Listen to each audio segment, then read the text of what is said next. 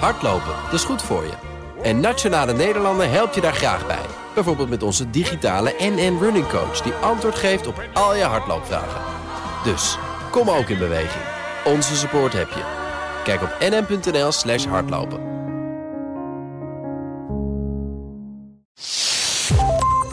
This Houston, contact with a test one. Touchdown confirmed. Hey allemaal, welkom bij een nieuwe Space Cowboys nummer 103. Met, eh, zijn we de teller al kwijt? We waren bijna de teller weer kwijt, maar we, we hebben er nog 103 met Micha van Baal, hallo. Hallo allemaal. En Arno Wielders. Goedemiddag. Hey, hallo. Hey, welkom eh, ook eh, luisteraar. welkom terug. Het wordt volgens mij weer een bonte, een bonte aflevering. Ehm, we hebben alles van een uh, bermbrand eh, bij, Spa- bij SpaceX tot... Nou, zeg het eens. Nou, ik heb een heleboel eigenlijk. Eh, we, hebben, eh, we hebben uiteraard een update Artemis. Dat, eh, ja, dat kan niet anders. Ehm, ehm, de SLS is niet gegaan. Eh, nee, eh, maar er, er zijn nieuwe data. En ik heb er nog steeds een schoen op staan dat die dan ook niet gaat. Maar daar komen we Ja, op. Oké, ja. En Arno? Ehm, Nou, we moeten natuurlijk even kijken over de booster testen bij SpaceX. ja, Ja, die zijn er nu van plan. Ze hebben alle motoren in een soort spintesten al getest. Daar moeten we het even over hebben. ja.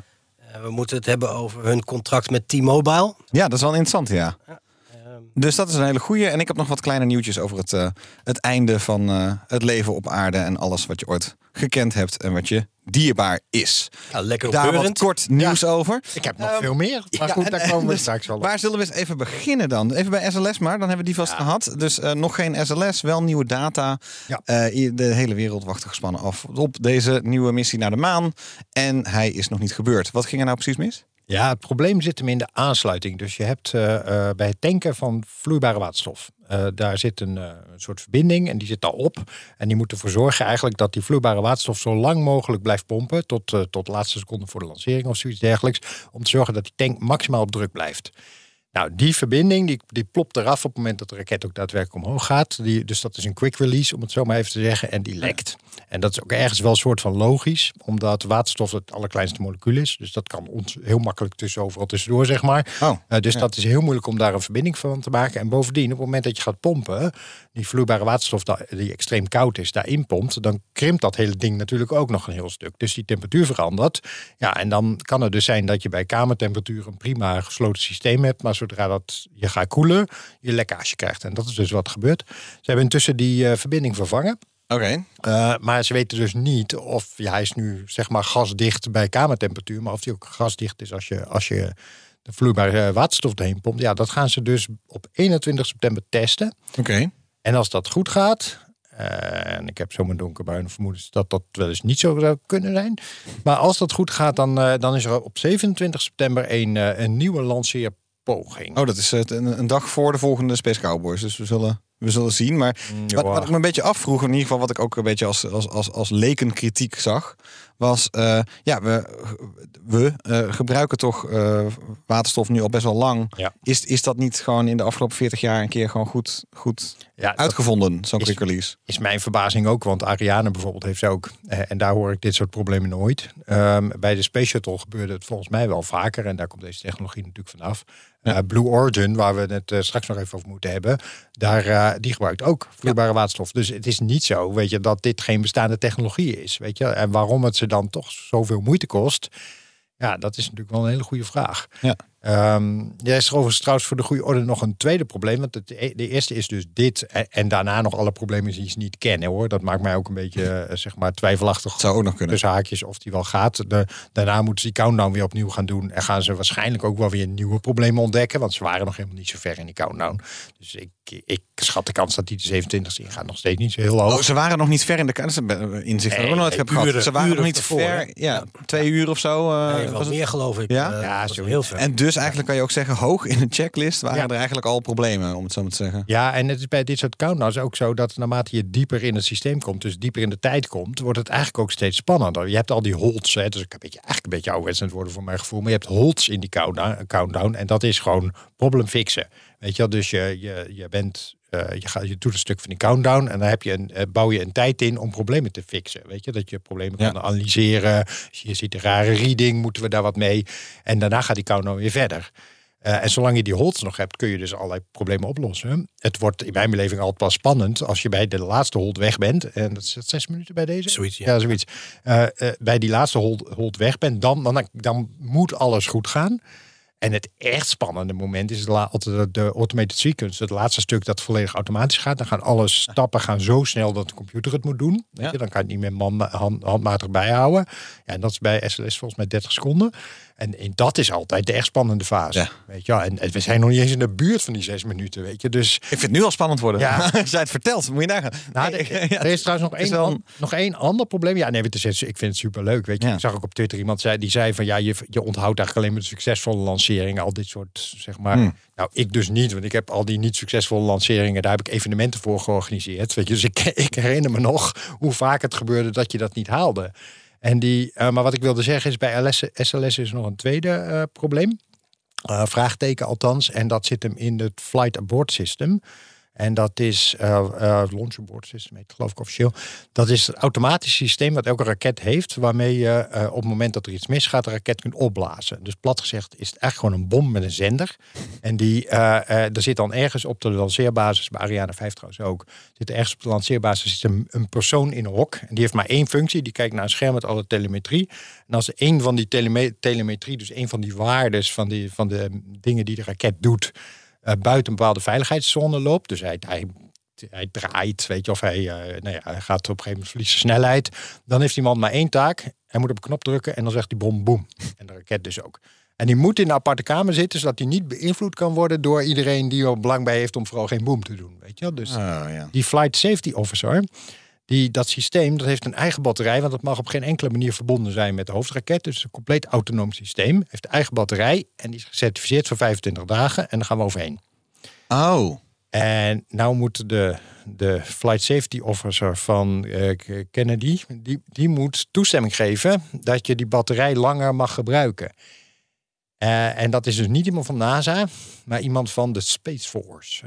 Oorspronkelijk. Oh, want die gaan militair over, nu, ja, dus nu. Dus in ja. feite uh, vroeger de luchtmacht. Want Ja. die gaan over de veiligheid van die basis. Ah, En ja. die moeten dus zeggen dat ze dat risico gaan nemen. En... Maar kunnen ze dan niet nu al die batterij vervangen? Dan... Nee, want Nee, dan moet hij terug. terug.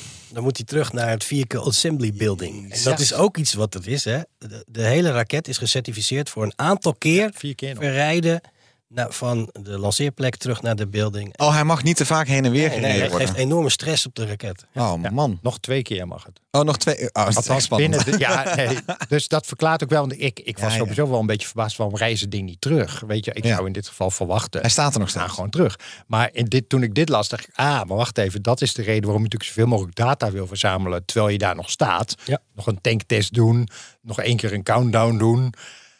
Maar dat maakt gevoelsmatig dat ik nog wel een schoen durf in te zetten. Dat die niet gaat hoor, de komende, de komende lanceerpoging. Dat is ook wel een puntje van kritiek wat je kan hebben. Is, eh, Ik zou, je zou er een andere naam aan kunnen geven. Hè? En Ja. wat, ik zou het geen lanceerpoging durf- misschien noemen, maar misschien moet je het wel een soort test noemen. Ja. Naar, be- een de beta. Ja, maar om in ieder geval, want nu wordt echt wel verschrikkelijk veel georganiseerd voor Ja, iedereen. iedereen staat weer helemaal live, eh, helemaal live te gaan daar. Ja. Ja, daar, daar, Ja, maar, aan eh, verwachtingsmanagement. Misschien moet je het zo Ja. noemen. Ja, dan moet de vicepresident van de Verenigde Staten wordt ingevlogen eigenlijk voor niks. Weet je, dat Ja, is toch altijd ja. een beetje pijnlijk. Ja. En dat, uh, maar ja, tegelijkertijd, als je ook daadwerkelijk van plan bent om, als je dan die TS0 haalt, en, om hem te lanceren, is het natuurlijk ook een beetje pijnlijk om daarna oeps te zeggen van we hadden eigenlijk niet verwacht dat hij. Dat is ook gaan. dat is heel lastig. nou ja, we Ja. de komende twee weken weer hopen, hoop, hopen in ieder geval in de gaten te houden. In, wanneer zijn je nou? 21 en eh, 27. Ja, 21 september is die tanktest, maar eigenlijk is de belangrijke vraag nu of ze toestemming krijgen om die eh, batterij te eh, verlengen. Ah, dat- laat ik zijn, die batterij doet het natuurlijk wel, maar het, gaat over statistieken. Hè. Hoe, hoe groot is de kans? En ja, het is een man-rated lancering, dus eh, liggen die, die lat ligt heel hoog. Nou, eh, bruggetje naar ehm, waar het dan misschien beter gaat. Dat is bij SpaceX. Nou, weet niet of dat beter gaat. weten, weten. dan gaat het dan Andere gaat- problemen gaat misschien? al andere problemen. Ja. Andersoortige problemen. Daar was wel een klein eh, succesje behaald. Want voor de eerste keer eh, werd er getest met zes motoren. En dat eh, ging. Starship. Op Starship. Ja. Eh, dus de, eigenlijk de bovenkant van, eh, van, het, hele, van het Starship systeem, waar ook nog een booster onder zit. En die booster die eh, staat ook ongeveer op het punt om, eh om static, fi- static fired te worden. Ja, ze hadden dus een probleem hè, een tijdje geleden dat er een explosie eh, plaatsvond toen ze een spintest doen. Een spin, wat je doet als je een spintest doet, is dat je alle brandstof door de motoren laat lopen, de turbo's gaat draaien, maar je ontsteekt de motor niet. Dat is het laatste stapje, dat doe je niet. En dat is gewoon om te zien van hoe reageert de motor, werkt turbo alles goed. door. Ja. En tijdens een van die testen explodeerde een deel. En dat lijkt, als je kijkt, dan lijkt het de explosie te zijn van een grondonderdeel, dus niet van de raket zelf. Maar het gaf wel een hele hoop schade aan de onderkant van de raket. En ze hebben een aantal eh, motoren moeten vervangen. Ja. Dus ze hebben nu net, volgens mij, aan het begin van deze week, hebben ze een spintest gedaan, maar dan van alle motoren. Maar ze doen ze niet allemaal tegelijk. Nee. Wel grappig om te zien. Ja. Ze doen eh, eigenlijk hetzelfde wat ze bij Falcon Heavy ook doen. Is dat ze gebruiken een set van drie motoren tegelijk. Dit doen ze de test. En dat doen ze stapsgewijs. Wel heel snel achter elkaar. Want je moet uiteindelijk moet je eh, die aansteken van die motoren moet toch binnen een bepaalde hoeveelheid tijd gebeuren tijdens de lancering. Ja. Dus, maar met de laatste spintest lijkt toch wel goed te zijn gegaan. Ja. Weet jij of ze dat doen uit veiligheidsoverwegingen? Want je produceert kijk, een heel brandbaar mens- mengsel aan de onderkant. Weet je, je hebt maar een klein vonkje nodig. En je, en- Ja, dat gebeurde er dus ook. Hè. Dan Ja. krijg je zo'n pool, Maar dat grote ze daar pool eh, van, eh, van, van brandbaar materiaal. Het kwam uiteindelijk bij een generator in de buurt of zo. Hè. En Ja. die heeft uiteindelijk eh, gewoon de vlam in de pan eh, gestoken. Ja. En toen deed die boom. Ehm, en het, eh, maar, maar is en dat wat de denk reden je? waarom ze dan niet, zijn ze niet alle 33, wat was het weer, tegelijkertijd doen? Nou, ik denk dat het zo ook daadwerkelijk de lanceersequence is. Zodat je daadwerkelijk binnen eh, zoveel milliseconden die test doet dan die. En langzaam maar zeker als alles draait, dat je een soort checkpunt in kan bouwen. En pas dan eh, de Steek ontsteking je, doet. steek je hem aan en dan gaat hij. dan gaat hij. Dus dat.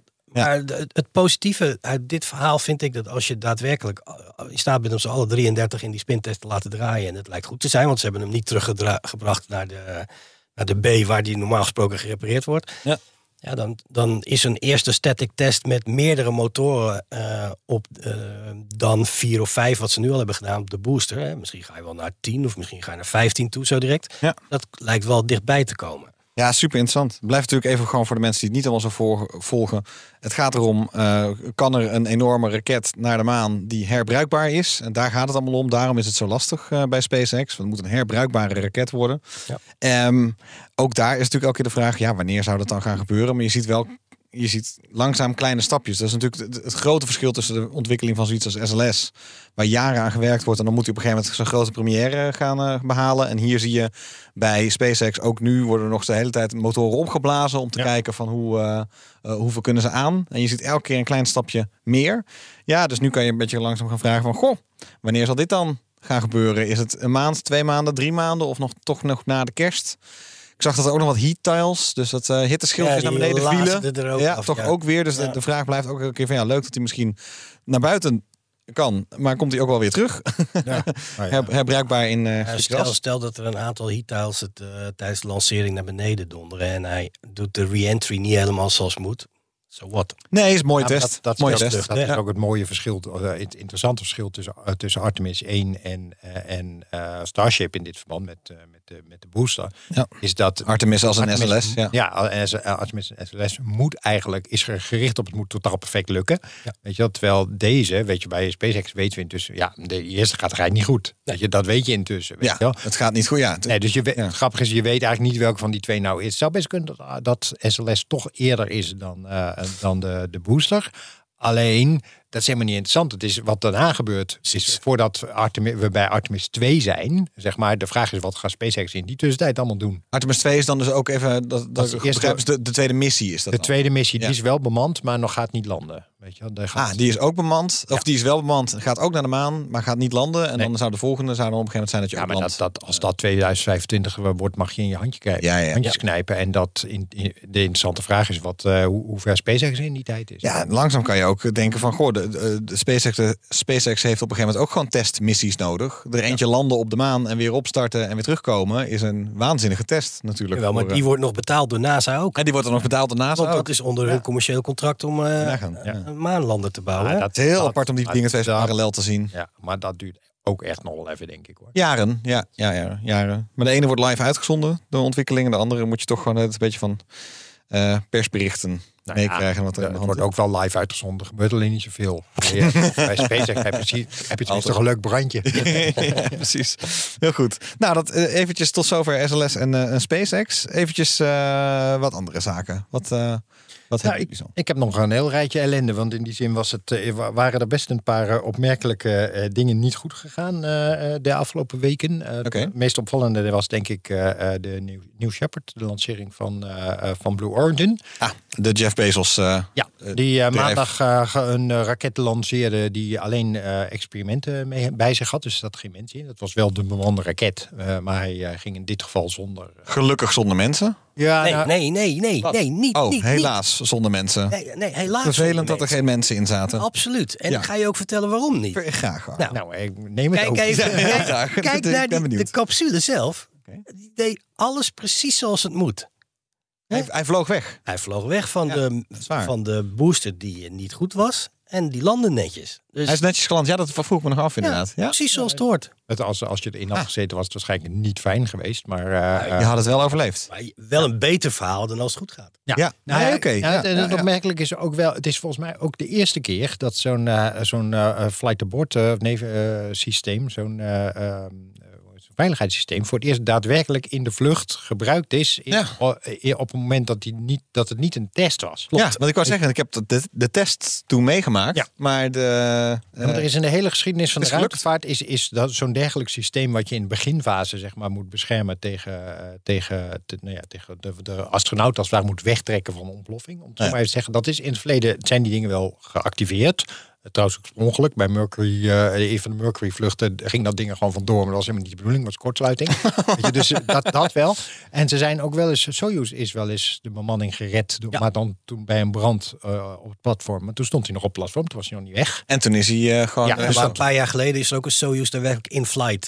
In- Ja, maar dat, dat was niet die escape, het, het termination systeem. Dat was al veel verder in de vlucht. De- toen was die toren was er, al, was er al af, zeg maar. Het is vaak is het zo'n, bij de klassieke raket is het zo'n zo'n spijk, die uh, spike, noem je dat? Zo'n torentje wat erop zit, waar een paar rakietjes in zitten die als het ware wegtrekken. Maar die was, die was er al af, dus dat was eigenlijk een normale eh, eh, separatie. Dus dit is de eerste keer dat een, dat een dergelijk systeem daadwerkelijk geactiveerd werd. Ja. Zeker als in de mijlpaal. En wat je hebt wel gelijk. Enerzijds laat zien dat dat dus goed werkt. Anderzijds ook laat zien ja, dat, dat nog steeds best wel gevaarlijk is. Nee, natuurlijk. maar, maar, maar, maar dat is, misschien is dat ook een beetje de mythevorming die door sommige mensen ook opzettelijk of onopzettelijk gekweekt wordt. Is dat ruimtevaart nu al in een soort routine zit. Dat is absoluut niet het geval. Nee, nee, nee. Ja, En, ja. en dus gaan er dingen fout. En eh, je kan je vergif op innemen dat de komende tijd nog wel meer dingen fout gaan. Ook omdat er veel meer dingen gedaan worden. Ja, maar ik hoor dus ook dat de dingen die fout gaan, die gaan dus eigenlijk goed.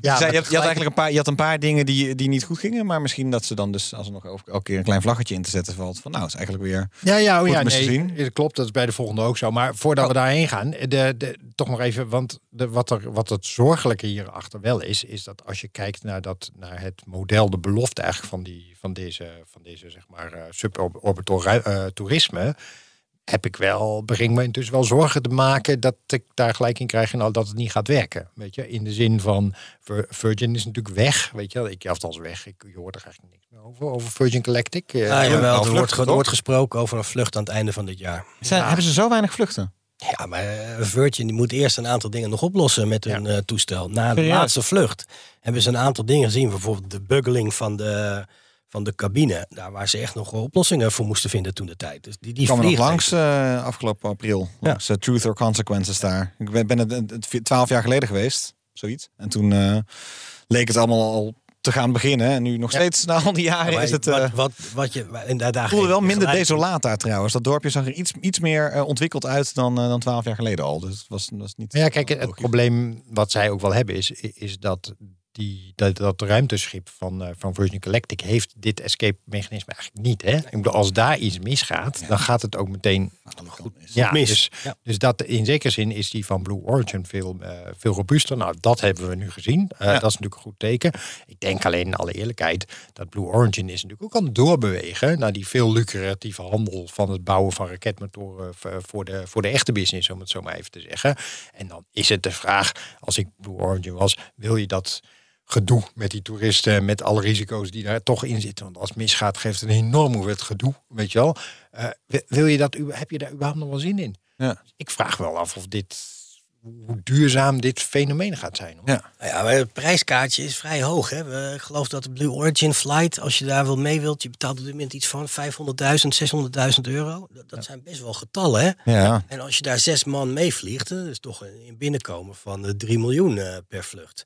Als je dan daadwerkelijk de herbruikbaarheid van de raket vrij hoog kan maken, dan kan je, kom je op een gegeven moment uit op alleen maar je brandstofkosten plus je personeel wat je eromheen hebt lopen. Kijk, wa- waar Jongens, ze even naartoe moeten... goed, goed in de microfoon praten. Ja, die ja, microfoon even goed zetten. En pak hem maar lekker vast. Pak die microfoon dus vast. Ja, pak, pak hem eens zoals ik doe, zo. En doe hem eens naar je mond toe. Ja. Zo. Ja, Ja, mensen thuis naar dat doen we ook, hè? Dat doen we doen ons best. Ja, precies. Goed gedaan. Zo, gaat het straks eten we dat ding op. Maar, Ja, precies. maar ik ben het wel met je eens dat, dat eh, de, de, de, de routinematigheid van waar we naartoe moeten met de vluchten, om het daadwerkelijk winstgevend te maken, daar zijn we nog niet helemaal. Dat, dat, dat dat misschien nog een jaar of twee, drie gaat duren. Maar, er is, maar er is eigenlijk nog maar één speler over in dit, eh, in dit hele speelveld. En we hadden er ooit drie, vier, vijf. Weet je, we hebben er nu nog één. En de, en, de, en de vraag is of die er zin in heeft. En eh, nou ja, we spreken maar over vijf jaar, maar ik heb mijn twijfels. Nou, ik ga dit keer geen weddenschap aan. ik ken nog wel eens. Precies. hey, eh, Michel, je had er nog één. Was, Ja, was ja, nog ja, meer dan? ik, ik, ik heb, er is nog een probleem. Ja, nog een probleem dat eigenlijk, eh, eigenlijk, eigenlijk goed, goed was. Nou, nee, dat niet hoor. Maar eh, we- er was een probleem met Capstone. We hebben het er eerder over gehad. Capstone is een, eh, een, een 12 CubeSat. Weet je, dus een, een, zeg maar even ongeveer, wat is het? De vrieskast, eh, eh, ongeveer formaat eh, satelliet. Die op weg is naar eh, de baan waar uiteindelijk Gateway in moet. En Gateway Amerika, het eh, Amerikaans-Europese ruimtestation wat in de baan om de maan moet. Hè. Daar werkt Artemis naartoe voor de goede Ja, dus Artemis wil naar de maan, zodat er uiteindelijk een basis, of een, een, een basis rond de maan kan komen. En die heet dan Gateway. Ja, en die basis moet op de Zuidpool. En dat is echt een Ja. rotplek om te komen met een raket. Ehm, ehm, want je kunt er eigenlijk niet, eh, niet heel makkelijk bij, om het zo maar even te zeggen. Dus eh, ze, zijn, eh, ze hebben daar een speciale ma- een baan voor gevonden. Die, eh, die op een hele wonderlijke manier om de baan. Ik, ga, ik heb het een keer uitgelegd in Ja. podcast. Ik ga het niet nog een keer doen. Die, ehm, maar die baan hebben we geen ervaring mee. Dat is nog nooit iets geweest. En, en daarom hebben ze Capstone gestuurd om die baan te testen. Kijken of ze in die baan kunnen komen. En hoe dat dan werkt. En of dat inderdaad zo stabiel is als ze hopen dat het is. Nou, die, ehm, eh, die is onderweg. Maar weer ook weer een heel ingewikkeld proces. En dat, eh, dat duurt wel een tijdje. Maar er is bij de laatste orbitcorrectie iets verkeerd gegaan. Ze weten nog niet wat.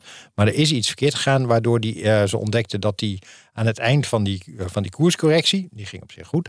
Maar in een, in een tuimelstand terecht is gekomen. Dus ze gaan tuimelen. Nou, dat is voor zo'n satelliet niet fijn. Vooral niet omdat ze ook ontdekten dat die eh, energie negatief was. Dat wil zeggen, hij gebruikte meer energie dan de zonnepanelen in dat getuimel konden opleveren. Dus ze hebben met behulp van het Deep Space Network, daar is dan een soort protocol voor, wat je, je kan zeggen paniek. En dan mag je het Deep Space Network hebben om, eh, om je te helpen, zeg maar. Die enorme antennes gaan dan helpen. Die heb je natuurlijk voor Capstone normaal helemaal niet nodig, want die zitten relatief dichtbij. Dat is voor Voyager ver weg en zo. Eh, alleen, ja, je, je moet dan hele zwakke signalen van hele zwakke antennes gaan opvinden, eh, opvangen. Omdat de antennes die bedoeld zijn om met jou te communiceren, die staan niet meer op jou gericht. Want dingen staan tuimelen. Dan hebben ze altijd wel een soort van backup low-gain antenna, maar die heeft heel weinig vermogen. Ja, en daar krijg, mag je dan die enorme antennes in Canberra en zo voor gebruiken om... eh, nou ja, dat is een soort noodprocedure waarin je dat kan claimen om je te helpen. Nou, dat hebben ze gedaan.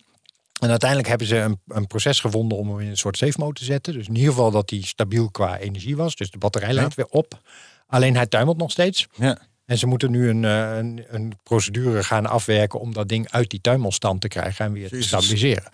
Nou, is dat op zichzelf niet heel zorgwekkend, want dat hebben ze na de lancering ook al gedaan. Dat, was, is, dus dat zit standaard in het. Er zitten eh, een paar kleine raketjes op die hem kunnen ja, er stabiliseren. zit eigenlijk- een, een heel een vrij innovatief klein systeempje op met, eh met hydrogeneraketten. Dus alleen ja, dat kost je wel brandstof, dus je doet het liever niet. Dus ze zijn nu aan het kijken, nou, ze hebben nu een stabiele patiënt en ze zijn nu aan het kijken hoe ze hem weer eh, gewoon, eh, Kunnen oplappen. nou ja, weer Van de weer IC af stabiel- kunnen halen. Ja, Die ja, ze even precies. kunnen halen, ja, Ja, precies. en ze hebben nog wel even, want ik meen dat het nog een, een dag of zestig duurt voordat ze bij, eh, bij de maan aankomen. Het is een heel complex proces wat ze door aflopen, dus ze hebben even tijd. Eh, maar dit was wel weer een eh, soort, dit is volgens mij al de derde oepsmoment bij, eh, bij Capstone. Maar tot nu toe hebben ze hem telkens wel weer op het rechte pad gekregen. Dus eh, het is altijd wel weer leuk om te zien hoe, dan, hoe zo'n paniekproces dan, hoe dat dan werkt. Ja. En dat je daar inderdaad gewoon een paniekknop voor hebt. En dan mag je hele grote antennes. Dat het eh, Deep Space Network er nog bij kon kijken. Ja. Interessant, dankjewel. Eh gaan we even naar eh, T-Mobile, SpaceX Ja, en ja. ook Apple. Even, Ja, even, wat, tech, even wat technieuws eh, tussendoor. Kijk, Hop. Ja, wil, wil jij hem vertellen, Arno? ja, nee, nee, ga je gang. ik, ik pak T-Mobile wel even. Wat, ik, wat dus interessant is, wat, wat SpaceX en T-Mobile hebben bekendgemaakt, is dat er in principe voor bestaande mobiele telefoons wereldwijd ontvangst komt.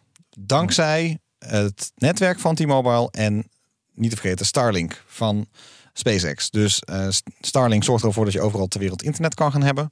Maar via een ingenieuze manier van grondstations en, en het. Ik snapte er eigenlijk niet precies hoe ze het gingen doen. Ja, volgens mij snappen ze dat zelf ook nog niet helemaal. Nee, helemaal hoe ze het gingen doen. Maar het kwam erop neer dat je in ieder geval eh, ehm, eh, je, je gewoon kan bellen.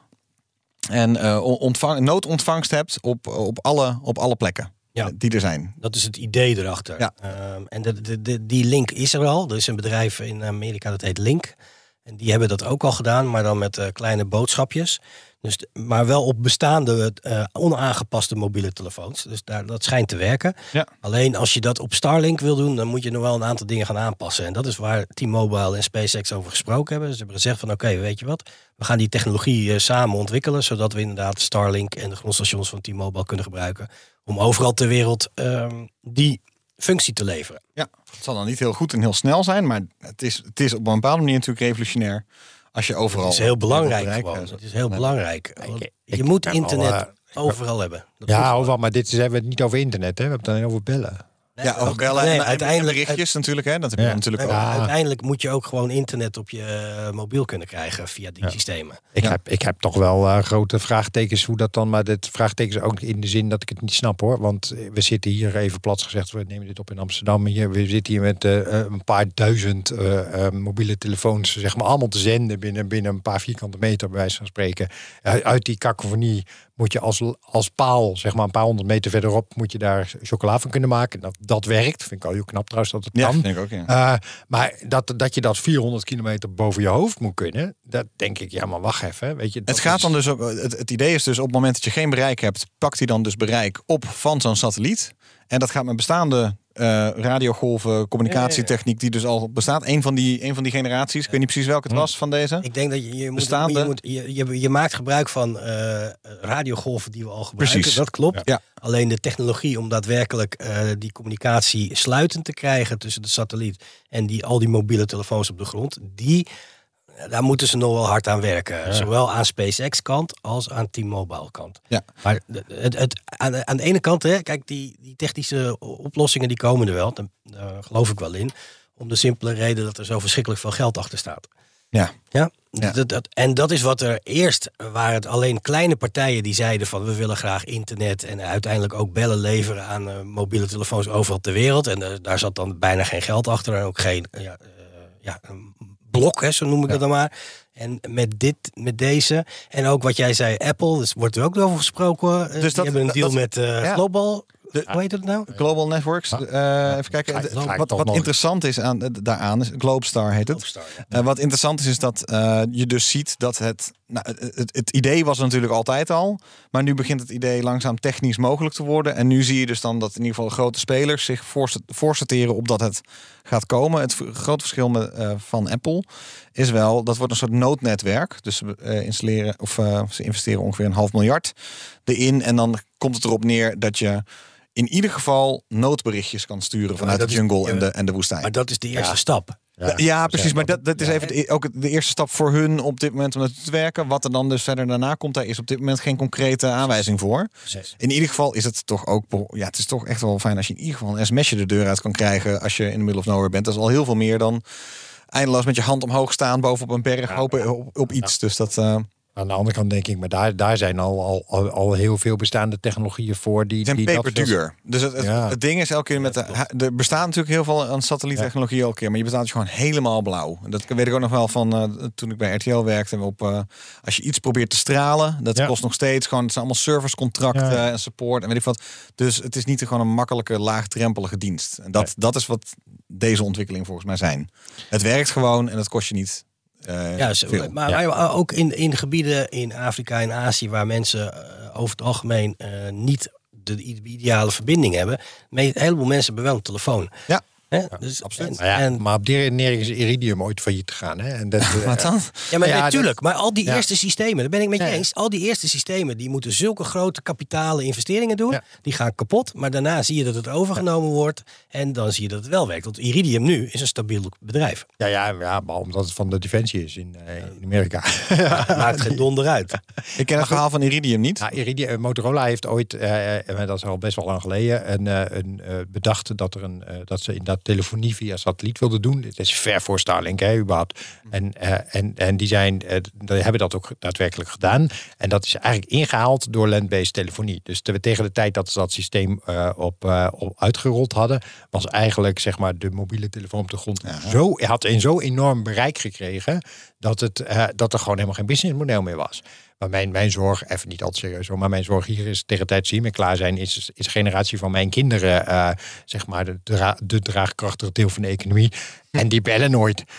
Dat is, eh, Nee, nee, nee. Maar het, het- bellen is één aspect ervan. Hè. Het gaat om de verbinding. Videocalls. snap ik, was niet, was niet zo heel serieus. TikTok, TikTok-filmpjes over de satellieten. Ja, dat is komen we belangrijk. Dan, eh, is belangrijk. Dan Je- zijn we toch weer best Je moet je eten in de woestijn ook kunnen instaan. Dat is je moet er precies. ja. belangrijk. TikTok in de woestijn. Maar de, toch tegelijkertijd deze ontwikkelingen gaan even zonder flauw doen. Deze ontwikkelingen gaan wel hard. Hè? Want Ja. ik heb in, het, in mijn verleden een aantal keren met die zonnewagens eh, meegereden in Australië. En daar, eh, de laatste keren dat we deden, hadden we gewoon zo'n ja, een enorme mobiele schotel achter op een auto staan. Kwam, Oh ja. Kwam van een vliegdekschip, zeg maar. Waarmee we gewoon rijdend internet hadden, weet je, midden in de outback. En dat, dat was toen al, eh, een aantal jaar of vier geleden, was dat, ja, was, dan, dat was de enige van die schotels in heel Australië, dat wel. Maar dat was eh, toegankelijke technologie. En dat Ja. was vergeleken met acht jaar daarvoor totale revolutie. We hadden gewoon overal internet, weet je, de hele tijd. Ja, ja, precies. Ik op een gegeven moment het konvooi binnenreed niet door dat, dat ik het wifi-bereik van het konvooi had. Want het konvooi binnenreed en dat ik op de autoradio hoorde hoe mijn dochter thuis de Spotify aan het overnemen was. Het is wel een rare ervaring. Maar- Ja, precies. dus nee, het- het- het- ik snap dat die innovatie hard gaat. Alleen ja, het gevaar is altijd dat de innovatie zo hard gaat dat je eigenlijk alweer achter de feiten aanloopt. Ja. ja, ik vraag me dan ook af of je, of je op die manier dan ook heel makkelijk internet op de maan en Mars gaat krijgen. Maar dat, zullen we, dat, dat is voor, voor, dat is voor de volgende aflevering. Dat zijn, daar, daar kom je wel met andere afstanden. Ja. Eh, Ja. Dit is 400 kilometer. eh, maan is 300.000 en Mars hoeven we helemaal niet over te beginnen. Maar Ja, dat maar daar internet komt. Een local area network. Ja, nee, maar die komen er. Hè. Daar wordt nu al over gesproken. ESA heeft bijvoorbeeld een contract met Survey Satellites om een, een aantal satellieten in een baan rondom de maan te brengen. Om gewoon internet. eh Zodat je gewoon in- maan-internet hebt. ja, nee, Belangrijk. eh, ja. Nee, dat is goed. Ik, heb nog, ik heb nog iets. Hebben jullie ook nog? Heb je nog, ik heb, we, hebben, ik heb, we hebben absoluut nog een heel groot verhaal over het leven van eh, sterren eh, en over de Gaia. Daar eh, komen we zo op uit, denk ik. Dan pakken we nog even jouwe. Ja, ik heb nog een relatief kleintje. Gewoon even Nou, eens een een eh, vooruit, eh, vooruitkijkerd naar eh, 26 september. Want dan komt de impact van DART. Hebben jullie, ik weet, hebben leuk daarover Vertel, in, vertel eens. eerder in de podcast vrij uitgebreid eh, gehad. DART is een, een satelliet die bedoeld is om te kijken of wij in de toekomst ehm, eh, de eh, dreigende asteroïdes die op ons af- afkomen stormen van baan kunnen laten veranderen. Dat moet je dan ruim van tevoren doen, hè, want op het allerlaatste moment eh, is dat niet zo zinvol. Maar als je 20 jaar van tevoren weet, of twee- 200 jaar van tevoren eh, weet want dat dat gevaarlijk wordt, dan heeft het eh, best nut om te kijken of dat kan. Of je, hem- of je erop in kan slaan en hem misschien van koers kan veranderen zodat hij de aarde mist. Ja, dat is dan inderdaad eh, het idee eigenlijk. Dat is En- niet heel spectaculair einde, dat is, helaas. Dat is gewoon... Nee, maar de knal is wel spectaculair. Ja, de knal. Dus, dus, de, de, dus Dart gaat proberen. Dart nu. gaat inslaan op een mini-maantje. En dat heet Dimorphos, heet dat mini-maantje. En dat, eh, dat mini-maantje dat draait om een asteroïde heen. Eh, en die, eh, eh, wat Dart doet, is met 6 km per uur op die maan knallen. Zes. Kilometer per seconde, sorry. Oh, oké. Ja. goed, dit zegt 6 km per seconde op die maan knallen. Gewoon het on, om het zo maar te zeggen. De ding weegt 500 kilo. Die, die, die, Die Dart. minima- ja, die dart, die minimaatje, neemt enige miljarden kilo's. Dus dat is een beetje ongelijke strijd. Maar wat ze dan, als het goed is, gaan meten... is in hoeverre die baan van het minimaantje om zijn asteroïde heen... of dat verandert. En dan moet je denken dat die omloopbaan... het is een afstandje van niks, door 1,3 kilometer geloof ik. Hè? Dus die dingen zijn heel licht. Dus dat, eh, eh, dat gaat allemaal heel langzaam. Maar hij doet zijn rondje om zijn moeder... Oh, en die gaan ze dan meten. En die gaat, ja, ja, ja. Dat rondje om zijn moeder doet hij in, in 12 uur ongeveer. En de verwachting is dat, de, eh, dat die impact ongeveer 10 minuten van die omlooptijd afhaalt. Dus dat de omlooptijd 10 minuten korter komt, wordt. Nou, dat kan je prima meten. Weet je, dus dat kan je dan vinden. Er zijn alleen al wel. Er is intussen wel twijfel, las ik, of dat ook daadwerkelijk wel zo gaat werken als ze hopen dat het gaat werken. Want je gaat er eigenlijk een soort, het is een soort biljart, hè? Dus je gaat ervan uit dat er twee biljartballen zijn die op elkaar knallen. Dan heb je effect. Alleen uit eerder onderzoek met, eh, met eh, kometen en dergelijke en asteroïdes, ook in Japan, weet je, is toch ook wel een beetje het beeld dat staat. Het zou kunnen dat ze een stuk brosser en losser zijn dan we denken. Heel poreus. Ja, Oh, en, en ja. dan, dat is vervelend, want als, als dat gebeurt, dan wordt het een soort blob-effect wat je krijgt. Ja, en dan, dan gaat heel veel van die energie in een, kan dan gaan zitten in de, in de vormverandering. Weet je, dat Ja. als het ware golven overheen gaan. Ik weet niet precies wat er gebeurt. Maar dan als daar de energie in gaat zitten, gaat het niet zitten in de snelheidsverandering. Dus, Daarom is het goed om te testen, hè? Daarom. Ja, het is Ja. wel echt... maar dus dat wordt wel interessant. Of die, als ze die tien minuten echt gaan halen, dat, eh, dat wordt een vraag. En eh, ja, nou uiteraard eerst de vraag of ze hem raken. Want dat is ook knap genoeg. Ja, sowieso. We- Weten we überhaupt waar ze zijn, ongeveer? Waar, waar speelt zich dit allemaal af? Eh, ja, ergens, eh, volgens mij, nee, dat weet ik eigenlijk niet uit mijn hoofd. Maar ik neem aan ergens tussen, tussen, de, maan en, eh, tussen de aarde en Mars eh, qua baan. Dat zal er. Hoe heet het eh ma- minimaantje? Het eh, minimaantje heet, eh, moet ik even goed kijken dat ik het goed zeg, Eh Dimorphos. Die Morphos. Nou. Dimorphos. En hij draait om, even kijken, Oh, want dat is het minimaantje en die draait dus... eh, eh, om, om een eh, asteroïde heen. en dat is niet Bennu. Nee, want dat is weer een Dat was een andere. andere, dat Die- was daar, een ging, andere. daar ging dus juist die Japanse heen. die Dimos is het. Aha. Het zijn echt hele kleine asteroïden. Hoor. We hebben het over eh, anderhalve kilometer of een paar honderd meter doorsnee. Oh ja, ja. Ik zie ook zo 1, 2, 3 niet precies waar die is. Maar eh, ergens, ergens in het grote buitenverre. Ergens In het grote buiten. niet in een niet al te ver. eh, heel Galaxy niet ver. Het probleem zou zijn als hij al dicht bij de aarde was, dat we dan het probleem zouden kunnen hebben. Hè? Dus- Ja. Ja. Nee, de, de ast- deze asteroïde heeft op zal never nooit niet enig gevaar vormen voor de aarde. Hè. Dit, eh, doe je die test orde. niet. Nee, Duw hem Nee, de ja. verkeerde kant op. dat hadden we beter niet kunnen doen. Nee, dit is echt heel veilig. Nou, ik had ook nog een heel klein dingetje. Ja, klein, Over- nog een laatste, laatste ja, klein, klein kortje voordat we naar de Ehm, sterren gaan. We hebben, er is een klein bedrijfje dat heet de Marston Space Systems. Die had een contract met NASA om een eh, commerciële lander naar de maan te brengen. Het is een half jaar geleden failliet gegaan. Ja. Maar gelukkig, en dat is wel heel goed nieuws eigenlijk... eh, heeft een, een bedrijf Astrobotic, wat ook zo'n contract heeft... die heeft ehm, het bedrijf opgekocht in zijn totaliteit. Ja. Dus zelfs de hoofdengineer van Maston is nu hoofdengineer van Astrobotic geworden. En toevallig ben ik daar zelf in 2010 geweest bij Maston. En dat is eh, super cool, want ze bouwen gewoon hun eigen suborbital, kleine eh, experimentele raketten. En die blijven dan heel netjes stabiel in de lucht hangen. Waarbij allerlei dingen getest kunnen worden. NASA heeft ze gebruikt om eh, landing eh, systemen goed te testen. Dus het is goed dat je daar een soort consolidatie in de industrie ziet plaatsvinden. En dat de kennis niet verloren gaat die eh, echt over Ja. 15 jaar is opgebouwd. Maar gewoon ja, geconsolideerd wordt in een ander bedrijf. Waardoor je dat soort dingen weer eh, door kan laten gaan. Dus dat vond ik Ja. een positief iets dat eh, toch even gemeld moest worden. Ja, en dan eh, sluit ik nog even de kortjes af, want ik vergeet, eh, we vergeten nog iets. En dat is James Webb. Die heeft nog Oh, een paar hele mooie foto's, dus blijf dat gewoon constant in de gaten houden. Die had nu de Orionnevel eh, mooi in beeld gebracht. Ik moet zeggen, ik vond de Hubble-platen van de Orionnevel toch ook heel mooi. En Dus deze, ik vond deze cool. Heel eh, hoge resolutie, dat is dan mooi. Maar je ziet toch dat infrarood, ja, dat is een bepaald spectrum. Dat, daar zie je bepaalde dingen op.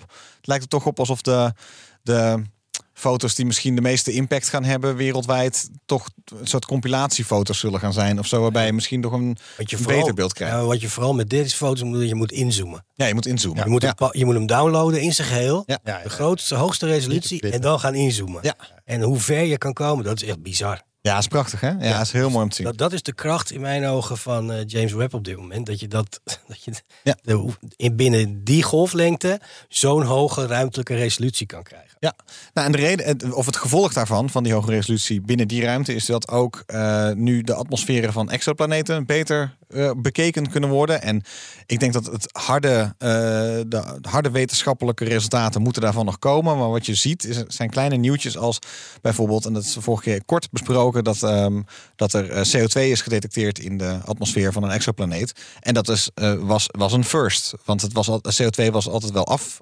geleid, Ja. eh, maar nooit direct geobserveerd in de atmosfeer van een exoplaneet. Dus dat is te gek.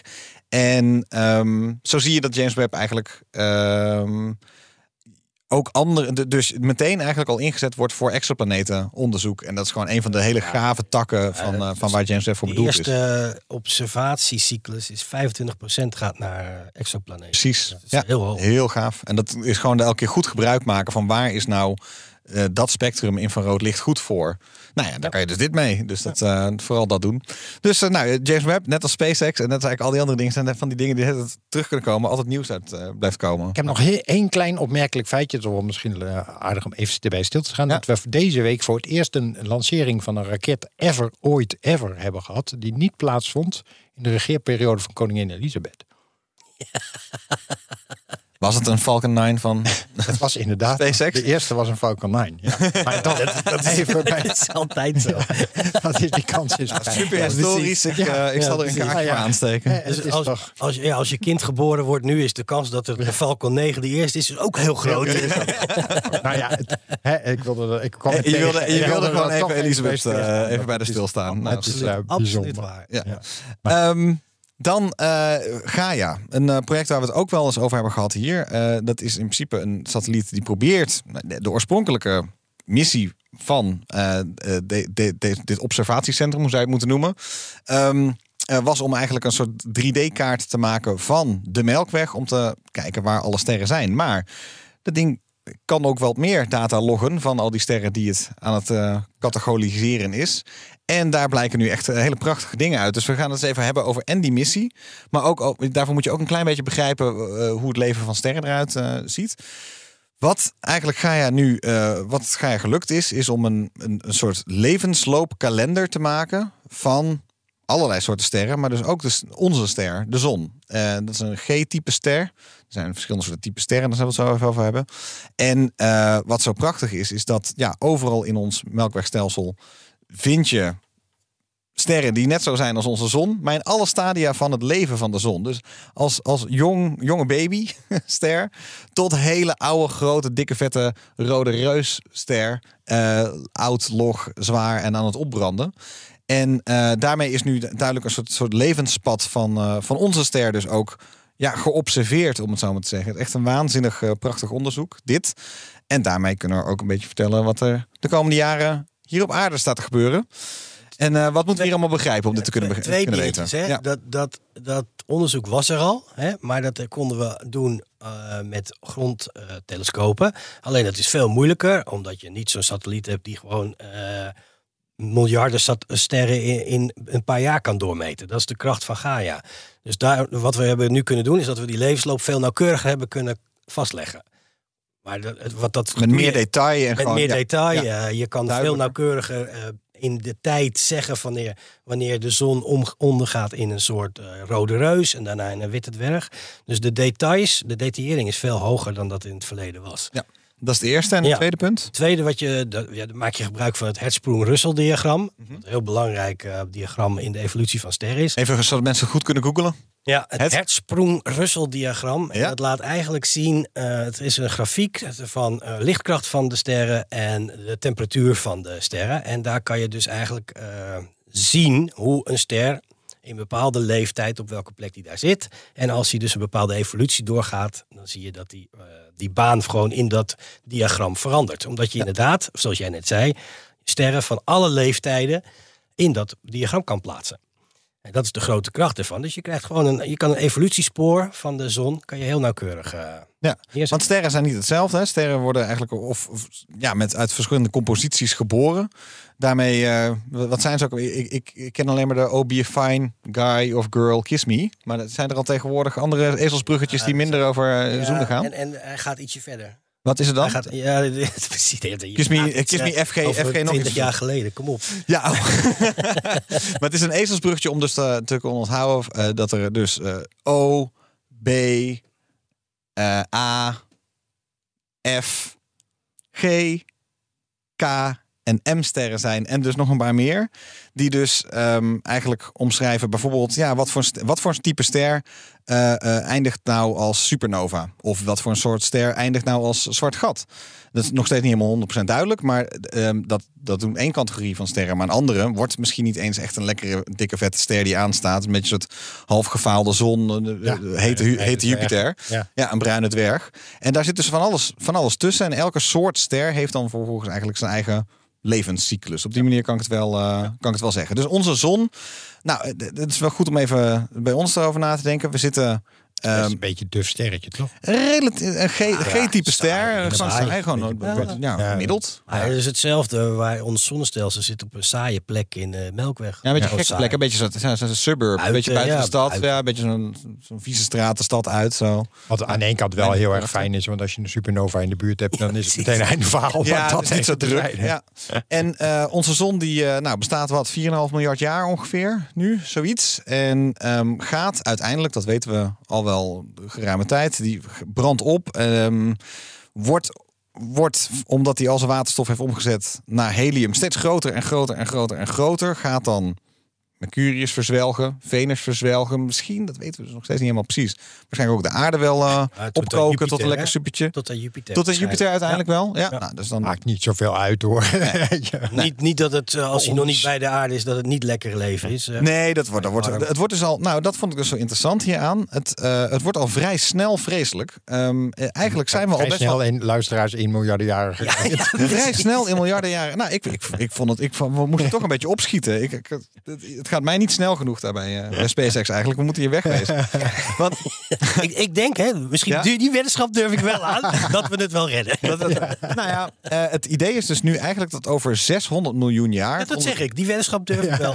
Nou, 600 miljoen jaar. Als je weet eigenlijk dus het, het, het, eh, de aarde, 4,5 miljard jaar oud, ehm, of in zijn, proto-aarde. Toen was er eigenlijk al vrij snel leven. Dus na een, hal, na een half miljard jaar was er al een hele elementaire vorm van leven. Eh, vind ik toch Die, belangrijk. die deden vervolgens een hele lange tijd vrij rustig aan. Maar dat- Vervolgens 3,5 miljard jaar deed dat leven helemaal niks. Vind ik altijd, altijd- het leven was er vrij snel en deed toen vervolgens 3,5 miljard jaar eigenlijk gewoon vrijwel helemaal niks. Tot het opeens, 500 miljoen jaar geleden, explodeerde, de Cambrische explosie. En eh, sindsdien hebben we haaien, bomen, bloemen, mensen en... en, en er zit nog wel wat tussen. en er zit maar nog wat tussen. Maar het is een mooie Maar- de samenvatting. bond van Enzelle geen zuur tussen. Die vinden het ook. Het horen er allemaal bij. En wat ik dan dus heel spannend vind, is. Nou, we we geven hem ongeveer 600 miljoen jaar. En dan lijkt het erop alsof vanaf nu. eh, alsof vanaf dat moment eigenlijk leven al buitengewoon moeilijk wordt. Als er dan nog leven mogelijk is, dan is het een vorm van leven die, die wij niet kennen. Want dan heeft het chemische processen die. Ja, eh, er is waarschijnlijk bijvoorbeeld geen, CO, eh, geen CO2 meer in de atmosfeer. Gek genoeg. Ehm, Ja, maar we, we praten echt over 600 miljoen jaar. Hè? ja, jij vindt dat veel, maar ik vind het echt een, lang een knip-? Twee keer knipperen met je ogen. Zeg, dus tegen die tijd... eh, ja, wat hebben we niet gedaan tegen die tijd, zou ik Duizend jaar zeggen. geleden Nee, klopt. zaten we nog in een grot. Ja, Dus precies. zin, eh, Nou, ik ging altijd een beetje uit van 1 miljard jaar. en dat het dan vanaf dat moment een wat meer klein beetje zo... Al 1 miljard jaar, dat stelt je gerust. En die 600 miljoen niet. Precies, dan heb je 1 miljard. Dat klinkt gewoon fijn. Zo van 1 miljard jaar om van, van uit dit zonnestelsel te vertrekken. Eh, Het klinkt, klinkt ruim. Maar nu is het opeens 600 miljoen jaar. Ik kijk dan toch op de klok. ik kijk dan toch op de klok van, oh shit. Oh shit, shit, shit, shit, shit. Ik word het ook haast. Dan komt het, ik voel opeens stress. Ik voel opeens stress. ik Sorry. wij snappen het. We gaan daar straks na de uitzending nog even over. Ehm, dus eh, ehm, eh, dan, dan wat gebeurt er dan? Er wordt de zon wordt steeds groter. De, ons, ehm, eh, onze atmosfeer wordt op een bepaalde manier, alle, alle eh, lichte elementen worden er waarschijnlijk van weggetikt. Ja, al. maar uiteindelijk ben je, er- je, bent, je bent op een gegeven moment je hele atmosfeer kwijt. En dat, ja, daarbij maar ik, ook zit, het ik zit nog even, tussen, even, het- even een tussenstapje. Even tussen, ik vind gewoon even hoe alles doodgaat hier. Ehm, het wordt een soort hele hete soep. Het wordt een Venus. Eh, de, de oceanen koken dan al. Dus alle, er is daar ook geen leven meer mogelijk. Dat, Nee, maar Venus heeft een hele dichte atmosfeer. Die heb je dan niet meer. Alles Nee, en, en vervolgens is die dus weg. Ja. Dus dan is er gewoon een kale bal. Nou, die kale bal die begint dan langzaam, komt dan die grens van die grote zon, van die grote rode dwerg. Die komt, of nee, roze giant, een red giant. Wat is het Nederlands Een term rode voor? reus. Een Rode reus noemen we dat. Ja. Wordt steeds groter, wordt steeds groter. Eh, Mercurius eraan, Venus eraan, waarschijnlijk dus de aarde er ook aan, waarschijnlijk Mars er dan ook aan. En dan dus richting Jupiter. Daar lijkt het, eh, daar lijkt het dus wel op. En nou ja, ik, ik, ik, ik vind het feit dat fotosynthese over 600 miljoen jaar niet meer mogelijk is. En dat het vanaf dat moment eigenlijk één grote soort kokende, kokende bal eh, wordt, eigenlijk al heel verontrustend. Eh, en, en, en jammer. Ehm, want eigenlijk kan je zeggen dat er elke 10, eh elke eh, miljard jaar komt er ongeveer 10% meer st- sterrenlicht vrij. En eh, dat is ongeveer hoe je het kan gaan, kan gaan meten. Dus elke miljard jaar. dus dan weet je over. gebeurt er nou daarna? vijf? Want, die supernova gaan we niet krijgen. Nee, Dat dus de, de vraag is, men, men weet ook op basis van deze Gaia-data nog niet 100% zeker dat we eh, gaan eindigen als, eh, of dat de zon gaat eindigen als witte dwerg. In principe is eigenlijk, die, die zon die wordt steeds groter en die bla- dan blaast hij de buitenlagen weg. Dat, eh, als ik me nog goed herinner. En dan, dan, dan dondert hij een beetje in elkaar. En dan hou je een witte dwerg over. Dan hou je een witte dwerg over. En een witte dwerg is een, even om een witte dwerg uit te leggen. Een witte dwerg is wat er overblijft. Hè? Dus je verbrandt andere dingen eh, dan eh En waterstof. neutronen, helium. neutronen alleen nog maar. Die Nee, nee, Nee, dat is een neutronen. neutronenster. Neutronen. Sorry hoor, help me even. Wat is witte dwerg nog? heeft gewoon nog verbrandings... eh, maar dan Nog iets. hogere eh, elementen. Hè? Dus, je, dus in plaats van helium en waterstof zijn het andere dingen. Want helium die en kunnen waterstof heel, zijn die kunnen heel oud heel- worden. heel hè? oud worden, ja. Die kunnen heel oud worden. En uiteindelijk, en dat heeft, hebben ze heeft ook alles uitgerekend, is alles verdampt uiteindelijk. Maar dan ook echt alles. Dus ook zwarte gaten verdampen uiteindelijk. Dus ook die witte dwerg verdampt en Ja, het zwarte gat veel verdampt. eerder. Al Ja. veel eerder. Ja. Zwarte gaten zijn de laatste die overblijven en die verdampen dan op een gegeven moment. maar Maar, daar praten we over. Thijs, even om je een beetje gerust te stellen, zeg maar. Weet je, de- het is natuurlijk wel zo, al deze processen leveren uiteindelijk de zwaardere elementen op waar, waar jij uit bestaat. Hè? Ja, dus dat klopt. zonder Dat al deze processen was je er ook niet Dat geweest. is waar. Wij zijn waarschijnlijk een soort derde generatie eh, zonnestelsel. Hè? Dus wij, wij bestaan er waarschijnlijk uit, uit een soort van derde generatie eh, eh, gestorven Elk, ster. elk element zwaarder dan helium is ooit ontstaan in een ster. In een ster. Dus alles wat op de aarde is, is in andere sterren ontstaan. Ja. En, eh, en, en waarschijnlijk dus ook, daarom kan je zeggen, vroeg in het universum is het lastig om leven te creëren, want je hebt wel een lekkere Ja. mix nodig. Ehm, wij zijn dan waarschijnlijk, waarschijnlijk de derde generatie waar dan dus zo'n lekkere mix uit kan eh, ontstaan. Ja, Maar ik vind het dus, ik vind, wat, ik, wat ik belangrijk eraan vind, denk ik, is dat het toch op een bepaalde manier, dat, dat, dat de tijd waarin leven dus hier comfortabel en makkelijk en mogelijk is, relatief, relatief klein is. Want als je dus weet hoe lang uiteindelijk duurt het nog echt wel 5 miljard jaar voordat, voordat die zon zo groot is dat hij hier is. Dus voordat het, voordat het zover is. Als je- Wacht als even, je wacht het even. Ja. Hoe oud is het heelal? 13, 14. 14 miljard Ja. jaar oud? Ja? Als je daar nou een ster hebt die binnen die tijd 6 miljard jaar leven kan hebben, dan doen we het toch niet zo slecht? Ja, krijgt dan maar een paar honderd jaar nodig om er een puinhoop van te maken. ja. Dus, Ja, dat is waar. Dat is waar. wat, wat, wat inderdaad het universum miljarden jaren voor nodig heeft, dat, dat lossen wij in even een paar honderd jaar wel even op. Kunnen we nog wel even, Maar, maar even- heel lokaal, hè? Heel Ja, dat is- lokaal. ik, ik wil nog even over de satellietnerden als dat mag. Weet je, jij misschien. Ik Ga jij zelf? Ja, je, ik- Vertel. Ja. nou ja, dat, omdat het zo'n sat- satelliet is waar ik eigenlijk op een bepaalde manier. Het is een ESA-satelliet, hè? dat is misschien Ja. wel goed, maar Ja. het is een Europees een stukje Europese glorie. Maar ook zo eentje die nooit echt aandacht krijgt, om het zo maar even te zeggen. Althans, niet, weet je, wat minder dan de, De data, Het- en zo. weet je wel. Dus, geen mooie plaatjes op, hè? nee, maar dat, nee, hij geen- jaren voordat de data ook echt goed lekker naar buiten kwam. Ja, nou, de, en eh, uiteindelijk zeg maar, krijgt het vaak aandacht tegen de tijd dat er onderzoeken als het ware komen. Dat gaat trouwens nog decennia doen Ja, dat we ja, dat meekrijgen. Ja. Het ding hangt er al, eh dan gaan we weer, Lagrange-punt, twee- sinds 2013. Dus het is ook alweer een beste nauwtje. Ik, Ja. ik ken hem nog, weet je wel. En het, ehm, eh, hij doet het volgens mij nog, je hoort daar ook nooit ja, hij doet het hij volgens mij draait prima. Hij doet prima. Ja, dus het is ook wel zo'n zo'n fijne workhorse. Weet je, waarvan je zegt, ja, het, het is niet dat het. eh, nou ja, er had misschien wel een cameraatje ingemogen bij na de inziens. wat een beetje leuke plaatjes. Moet je altijd hè? doen, ja. Ja, dat, 2025 trouwens eh, staat hij gepland Ja. tot nu, voor nu. tot- dan is het geld op. Weet je, als we budget opnemen, dan moeten ze even kijken. Stoppen we er nog extra budget in. Dat is bij Ja, zo'n- ja. de- zo'n satelliet gaat meestal, als die iemand doet, gaan ze ook niet stuk. Oké, het is een fantastisch workhorse. En eh, wat het ding even, even voor de orde doet, het, het, eh, eh, het ehm, inderdaad eh, catalogiseert sterren, maar niet alleen de, waar ze staan en wat voor sterren zijn, maar ook snelheden. Ja. Weet je, dus daarmee eh, eh, hoe hard bewegen ze eigenlijk en welke kant op. En dat is Ja. super interessant, want dan krijg je dus een, eh, ook een zeg maar dynamisch model van het zonstelsel, of, van het melkwegstelsel, van hoe, hoe de sterren in het melkwegstelsel eigenlijk bewegen. Weet Ja. je? En ja, het is het, ja ik, weet, ik heb een zwak voor ding. Weet je, het is, het is niet e- enorm sexy als onderwerp, maar Ah, ja, we, we hebben het een paar maanden geleden in juni nog even gehad over de, de datadump. Er was een derde Oh ja. datadump. Ja. En eh, daar kan je dan als onderzoeker kan je mee aan de slag. Dus eh, ja, Dat, eh, Ah, en we hebben als Nederland hier ook best wel groots aan bijgedragen hè, aan deze eh, satellieten. Dus een, Dat heb eh, ik dan weer niet scherp, maar ja, vertel. er zit een eh, lasermeetsysteem in om de hoeken van de spiegels heel nauwkeurig te meten. En dat is door de Nederlandse industrie gemaakt. Oké. En dat is een, een van de belangrijkste onderdelen van, om ervoor te zorgen dat de data die eruit komt goed gecalibreerd is. Dus dat is, eh, ja, is goed nieuws. Ja. Wat is, er met, wat is er toch met, een klein zijstapje maar, wat is er toch met lasers? Want ik zag dat Nou. TN TNO, eh, die was ook blij. Die hebben voor het eerst een eh, stabiele lasercommunicatieverbinding gemaakt tussen grondstations. Ja. Want de, misschien dat er lasercommunicatie tussen satellieten aankomt. Is dat Ja, een niet Nederlands... alleen- dat eh, alleen. nee, dat is iets wat er al veel verder speelt. Maar Nederland heeft best wel de optische technologie en, eh, om eh, dat heel goed te kunnen doen. Ja. En, en waar je naartoe wil, is dat je wil een grondstation hebben die je heel makkelijk modulair kan neerzetten overal ter wereld. Want je hebt een hele hoop van die eh, stations nodig om ervoor te zorgen dat je vanuit een lage aardbaan bijvoorbeeld eh, al die data van die eh, radarsatellieten. Kijk, een gemiddelde eh, synthetic aperture radar die, die kan op een, een gigabit per seconde creëren.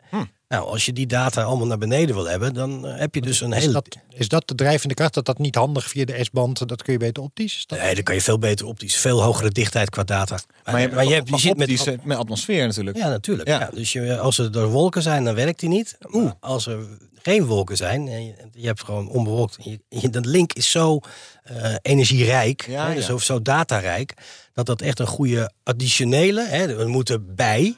Het kan niet alleen eh, de communicatie tussen de satelliet en de aarde zijn, maar voor echt de wetenschappelijke data is die echt heel goed bruikbaar. Want, Bijvoorbeeld dat je eh, op een koude plek, eh, Chili-achtig, eh, gewoon waar het altijd helder is.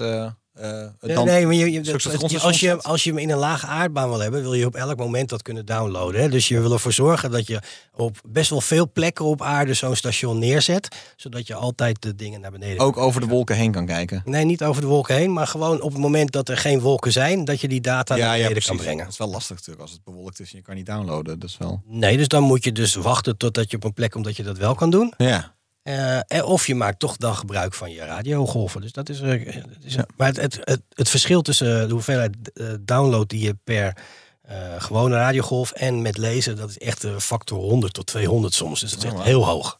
Ja, dit was volgens mij een experiment tussen, tussen het KNMI, Cabau en eh, TNO in Delft. Ik weet niet precies waar. eh, Ja, er waren twee grondstations, 13 kilometer afstand geloof ik. Oh, dat Eh, zat dicht bij ja, elkaar. dat was Ja. heel dicht bij elkaar. Maar ik was in, in die zin een beetje verbaasd toen ik dat las. om- Omdat ik eigenlijk dacht, nou dat konden we toch al. Maar blijkbaar eh, hebben we dat, kunnen we het wel in de ruimte tussen satellieten. Dat, dat ben ik ook wel eens in het verleden tegengekomen. Ja, maar dit is puur Nederlandse technologie, hè? Ja. TNO die dat eh, binnen een ESA, want het is onder, onderdeel van een ESA-project, eh, om daadwerkelijk straks tussen geostationaire satellieten en de aarde een goede laserlink te krijgen, eh, om dat goed voor elkaar te krijgen. Dus, Ja. Ja, want ik begreep dat juist dat adap- adaptieve, dat je moet aanpassen aan de, aan de omstandigheden in de, atmosfeer. En dat moet je, moet je volgens mij bijna dan in zo'n situatie continu doen. Hè? Dat Ja, je dan ja. eigenlijk de hele tijd, als het ware met je spiegels, moet compenseren voor, eh, voor, de, voor de atmosferische effecten. Ja. En dat, dat, dat je dat dan zo moet doen dat je heel weinig data los hebt. En daar zit volgens mij de echte uitdaging. En dat hebben ze dus nu net getest. Heeft TNO Ja. net getest bij de gebranditoren en Ja. bij Lopik. eh, en bij Ja, maar omdat ik ook wel eens over satellieten heb gelezen die, in, de- die eh, satellite-to-satellite optisch hadden. En Dat, maar dat klinkt ergens ook weer makkelijker. Ja, dat is ook makkelijker. Ja. Dat je dan Ja. heb je dat gedoe met die atmosfeer niet. Maar Nou dat Starlink. Starlink nu, de huidige Starlink-satellieten hebben allemaal optische communicatie aan boord. Maar om met elkaar dus. Ja. Ah. Ja. Ja, van, nou ja, vandaar mijn lichtelijke verbazing dat ik dacht, maar we kon- konden dat dan natuurlijk al, maar niet naar de grond. Dat is eigenlijk de En om eventjes dan Gaia goed af te ronden. Welke lasers zaten daar dan op? Wat is dat dan de... Wat, wat, wat, Eh, wat was er heeft aan Nederland aan? heeft, eh, nou, Nederland heeft een meetsysteem geleverd. Dus dat Een meetsysteem, De ja. lasers, de, de ontvangers, eh, Ah, het, de optiek die daarmee te maken had. Om de satellietsignalen goed naar de spiegels te brengen en daarna op te vangen. En daadwerkelijk dan de, de verschil in de hoek eh, goed te meten. Dat is in Nederland gebouwd. Ah ja, nou, hartstikke goed. Ehm, eh, wij zijn er volgens mij helemaal doorheen. Ik, eh, ik- iedereen scant nog even snel of er nog een kleine huishoudelijke mededelingen zijn. Ja, nee, wij, er rest ons nog spanning omdat dat we een heleboel dingen in de gaten moeten houden. de Ja, zo lijkt het wel op. Hè? Een hoop bal in de lucht. Hè? Dus, over, het, wordt een warme winter. over twee weken gaan we, gaan we verder praten over eh, Artemis en SLS die niet gelanceerd is. ja, precies. Die nog steeds aan de grond staan. Oeh, we zullen Nou, stel dat het wel lanceert. Dan Nee, ook een spectaculair verhaal te Oh, zeggen nou, natuurlijk. Hè? leuk Dus, eh. Eet ik, Zeker, en absoluut. dan eet ik schoen. Ik heb het beloofd. Oké, nou mooi. Welke schoenen? Wat, eh, wat meer een soort, soort sandaal of meer Ja, een... ik zou ik heb een ruime, een ruime voorraad. Ik zal ze even ja, iets, ja. Je zou zou, lekker mes in ik zou verwachten dat het Sinterklaas is. Dan kan je hem die van marsepein eten. Oh, ja. Nou, dat haalt hij wel wel hard Ja. mis. Ja. En, en eh, tot die tijd blijf ons volgen op Twitter. eh, Space Cowboys Pod. Daar kan je ons vinden. En daar kan je ook eventueel al je vragen insturen. Dit was de 103e aflevering van Space Cowboys met Arne Wielders. Michel van Baal, mijn naam, was, mijn naam is, was nog steeds Ja, Thijs Roes. Nog 600 miljoen jaar. Precies, nog 600 miljoen jaar. Tot de, En tot dan. tot de volgende keer. Hoi.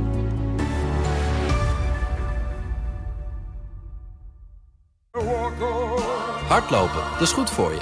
En Nationale Nederlanden helpt je daar graag bij. Bijvoorbeeld met onze digitale NN Running Coach... die antwoord geeft op al je hardloopvragen. Dus, kom ook in beweging. Onze support heb je. Kijk op nn.nl slash hardlopen.